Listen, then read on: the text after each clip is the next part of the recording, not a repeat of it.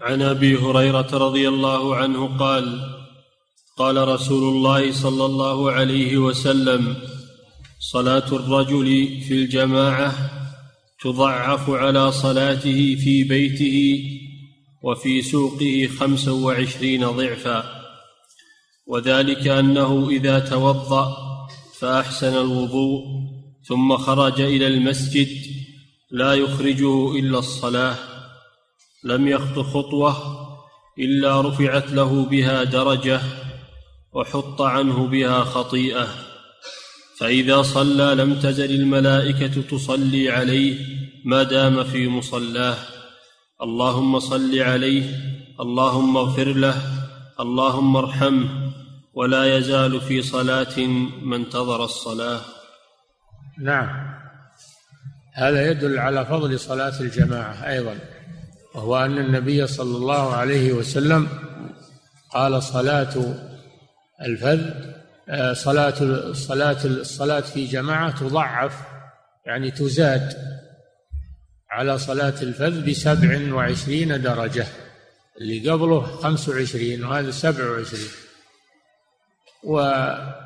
والجمع بين الحديثين أن العدد لا مفهوم له. خمس وعشرين لا يمنع أن يكون هناك أكثر منها وهو سبع وعشرين. فالحديثان لا يختلفان. يتفقان على أن صلاة الجماعة تضعف على صلاة الفذ لكن واحد قال خمس وعشرين وواحد قال سبع وعشرين. ومفهوم العدد ضعيف عند الجمهور.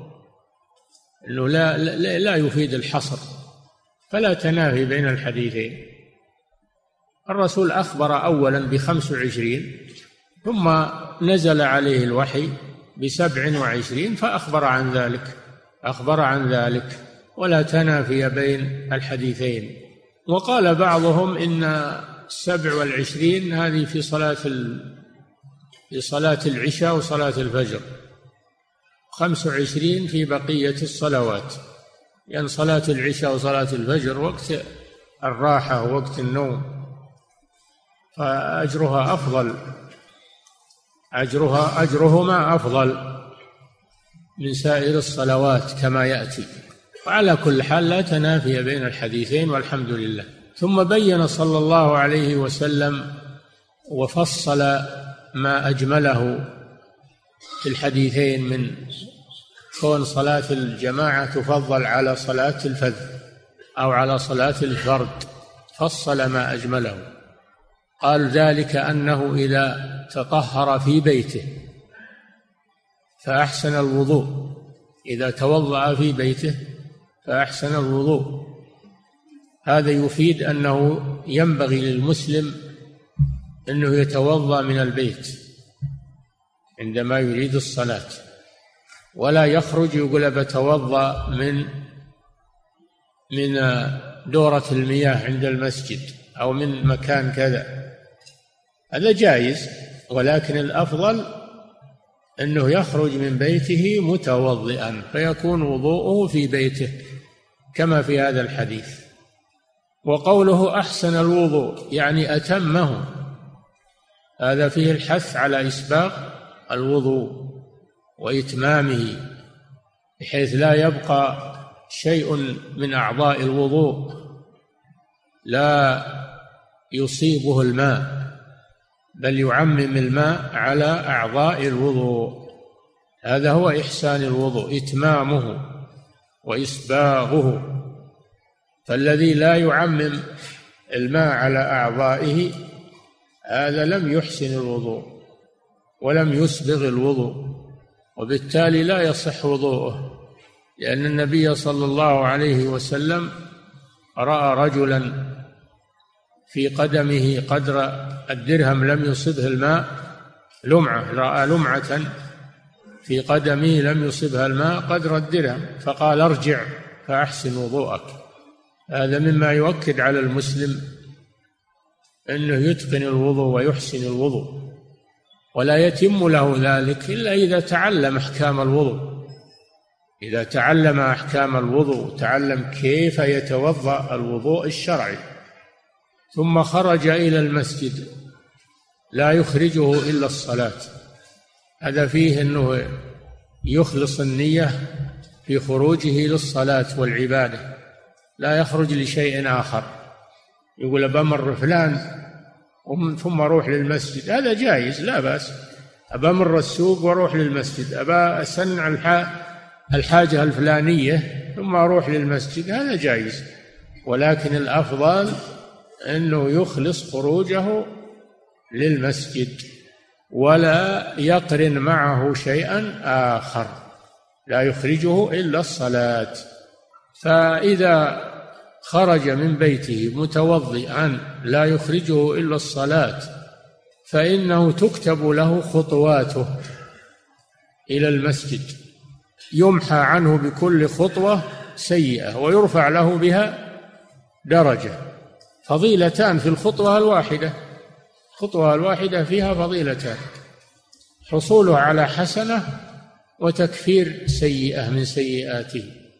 وكل ما كثرت خطاه وبعدت المسافة فهو أفضل. قال تعالى إنا نحن نحيي الموتى ونكتب ما قدموا وآثارهم. قالوا آثارهم يعني ممشاهم إلى الصلاة وخطواتهم إلى الصلاة. ولما هم جماعة من الأنصار أن يقربوا من مسجد الرسول صلى الله عليه وسلم لأن بيوتهم كانت بعيدة وكانوا يأتون إلى المسجد من بعيد.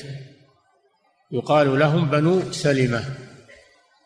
فبلغ ذلك النبي صلى الله عليه وسلم فقال يا بني سلمة دياركم دياركم تكتب آثاركم يبقوا في دياركم حتى يكثر لكم الأجر والخطوات فكل ما كان الممشى أبعد كان الأجر أكثر. وفيه فضيلة المشي كونه يمشي أحسن من كونه يركب كونه يمشي ويخطو خطوات أفضل من كونه يركب. الركوب جائز ولكن المشي أفضل فخطواته تكتب له. ثم إذا دخل المسجد إذا دخل المسجد وجلس ينتظر الصلاة هذا فيه فضيلة التبكير إلى المسجد أنه يبكر من أجل أن يجلس فيه ينتظر الصلاة. إذا جلس ينتظر الصلاة فإنه يجتمع له فضائل. أولا أنه يكون في صلاة يعني له أجر المصلي وهو جالس. يكتب له أجر المصلي في جلوسه. ثانيا أن الملائكة الكرام يستغفرون له ويقولون اللهم اغفر له اللهم ارحمه يدعون له الملائكة وهم مستجاب الدعوة.